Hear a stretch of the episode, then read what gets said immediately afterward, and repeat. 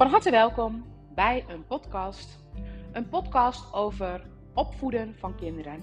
Een podcast waar ik, ehm, nou denk ik, mijn onzekerheid over bepaalde thema's zal uiten.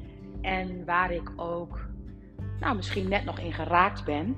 Waardoor ik eigenlijk een soort van de noodzaak zag om het in te spreken als podcast. Want de kinderen zijn natuurlijk bij ons nog thuis. Wij wonen in het noorden.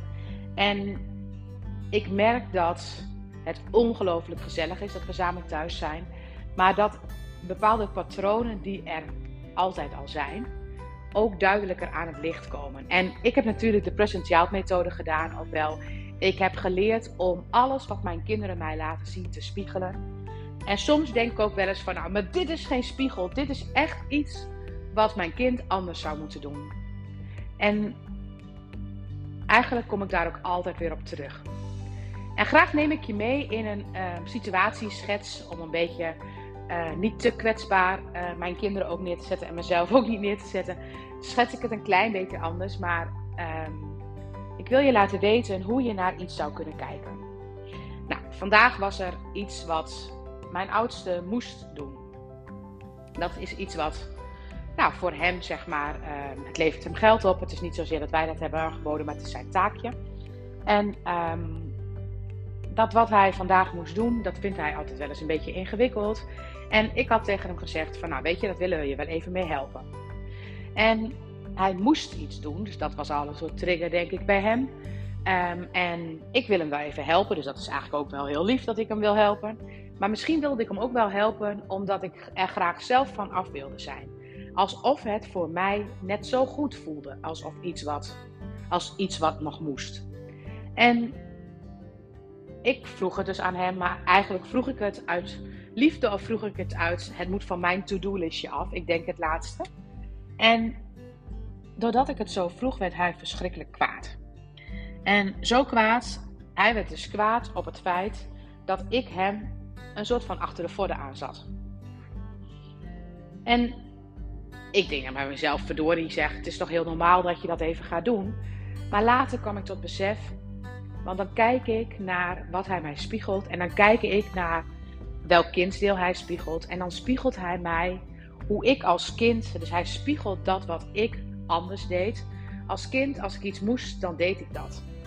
Ik twijfelde niet over of ik het ging doen. Ik ging het gewoon doen, want het was geen optie om het niet te doen. Want als ik het niet zou doen, nou, daar was ik bijna bang voor. En als ik een verplichting had ten aanzien van het werk, nou, ik nam het uiterst serieus. Moet ik ergens om 8 uur zijn, ben ik er om 5 voor 8. 10 voor 8 zou wellicht te vroeg zijn. Eh, 5 over 8 totaal geen optie. Uh, alles heb ik heel plichtsgetrouw netjes gedaan. Zonder ook maar te kijken hoe ik mijzelf voelde. Nou, nou vind ik dat je nog steeds dat het heel goed is om plichtsgetrouw bepaalde dingen te doen. Maar ik merk ook dat ik soms wel eens in een situatie kom dat het mij gewoon niet lukt. Dus dat het gewoon, um, nou, dat ik bijvoorbeeld in een situatie ben en ik iets uh, af moet krijgen en het komt niet af. En dan voel ik mij echt super bezwaard. En wat ik vanmorgen gespiegeld kreeg was dus, ik vond dat iets moest. Ik heb dat op mijn to-do-listje staan, terwijl het nog niet eens is eerst wat ik, wat, wat van mij moet. En ik zet dus alles wat moet op een rijtje en zo ga ik mijn dag doen.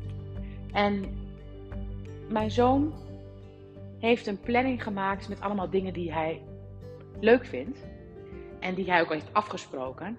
En dat wat hij moet, dat zet hij daarbij niet op nummer 1. En dat spiegelt hij mij precies.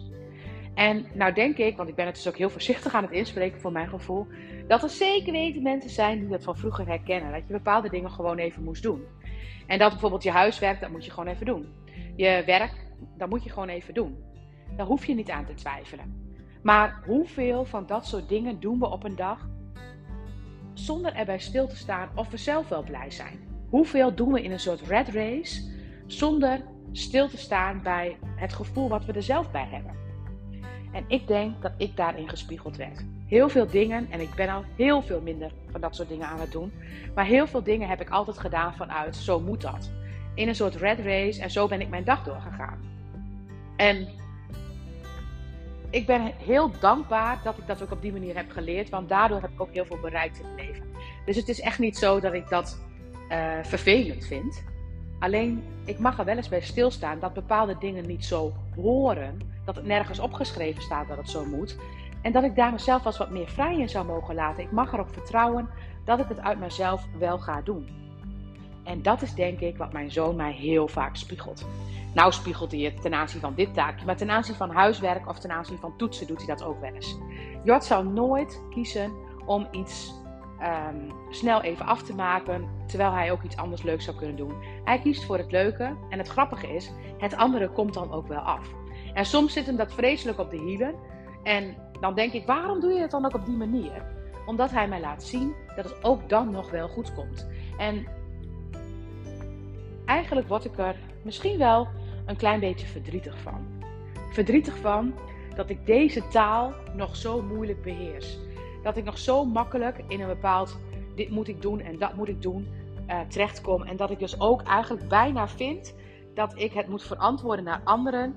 Dat ik heus wel genoeg doe en dat ik ook heus dit wel heb gedaan en dat wel heb gedaan. En dat ik moet verantwoorden dat ik niet altijd die red race meer wil pakken. Omdat ik het gevoel heb dat het helemaal niet nodig is en dat het ook allemaal anders wel klaarkomt. Maar dat ik zie dat de wereld op die manier nog wel naar je kijkt. Zo, dat doe je gewoon.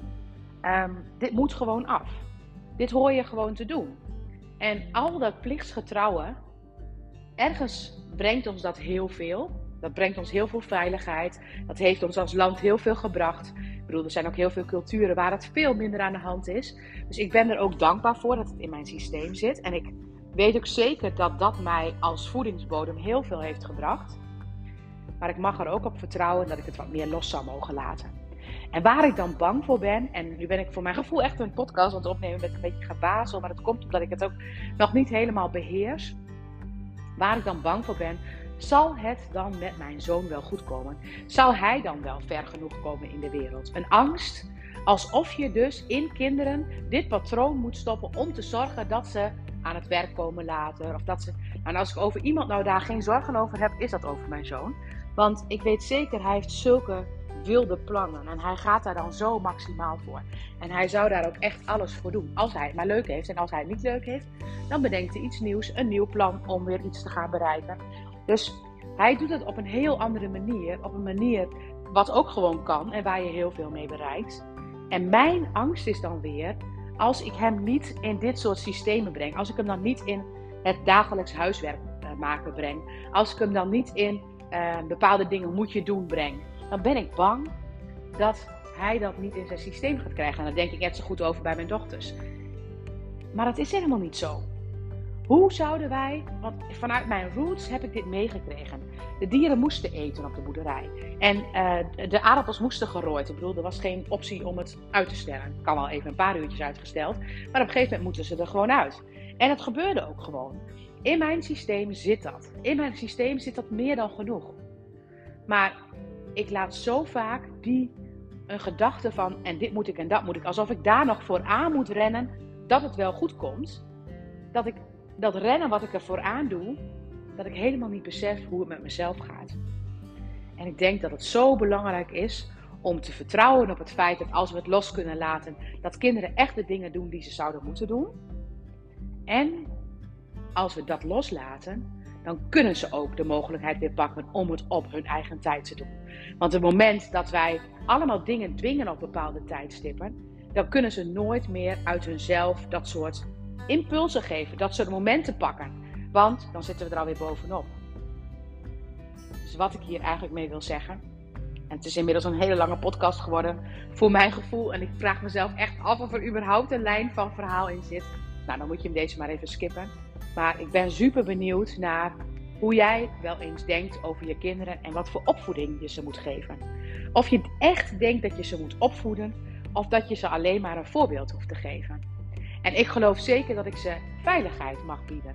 Veiligheid om zich te, kunnen ontwikkelen. En die veiligheid, daar geloof ik in. Maar ik weet niet of er ook werkelijk opvoeding in moet.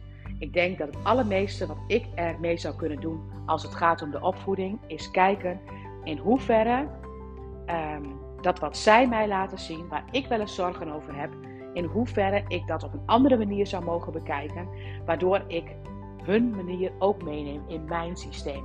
Wat uiteindelijk ervoor kan zorgen dat het win-win bij mij oplevert en dat ik de puurheid bij hun er zo min mogelijk uithaal. Nou, ik ben eigenlijk heel benieuwd hoe iedereen dit ervaart en hoe je hier naar kijkt en of je begrijpt wat ik bedoel. Nou, ik, ehm, mocht, daar iets, mocht je hier iets van vinden, dan hoor ik heel graag. Dankjewel voor het luisteren.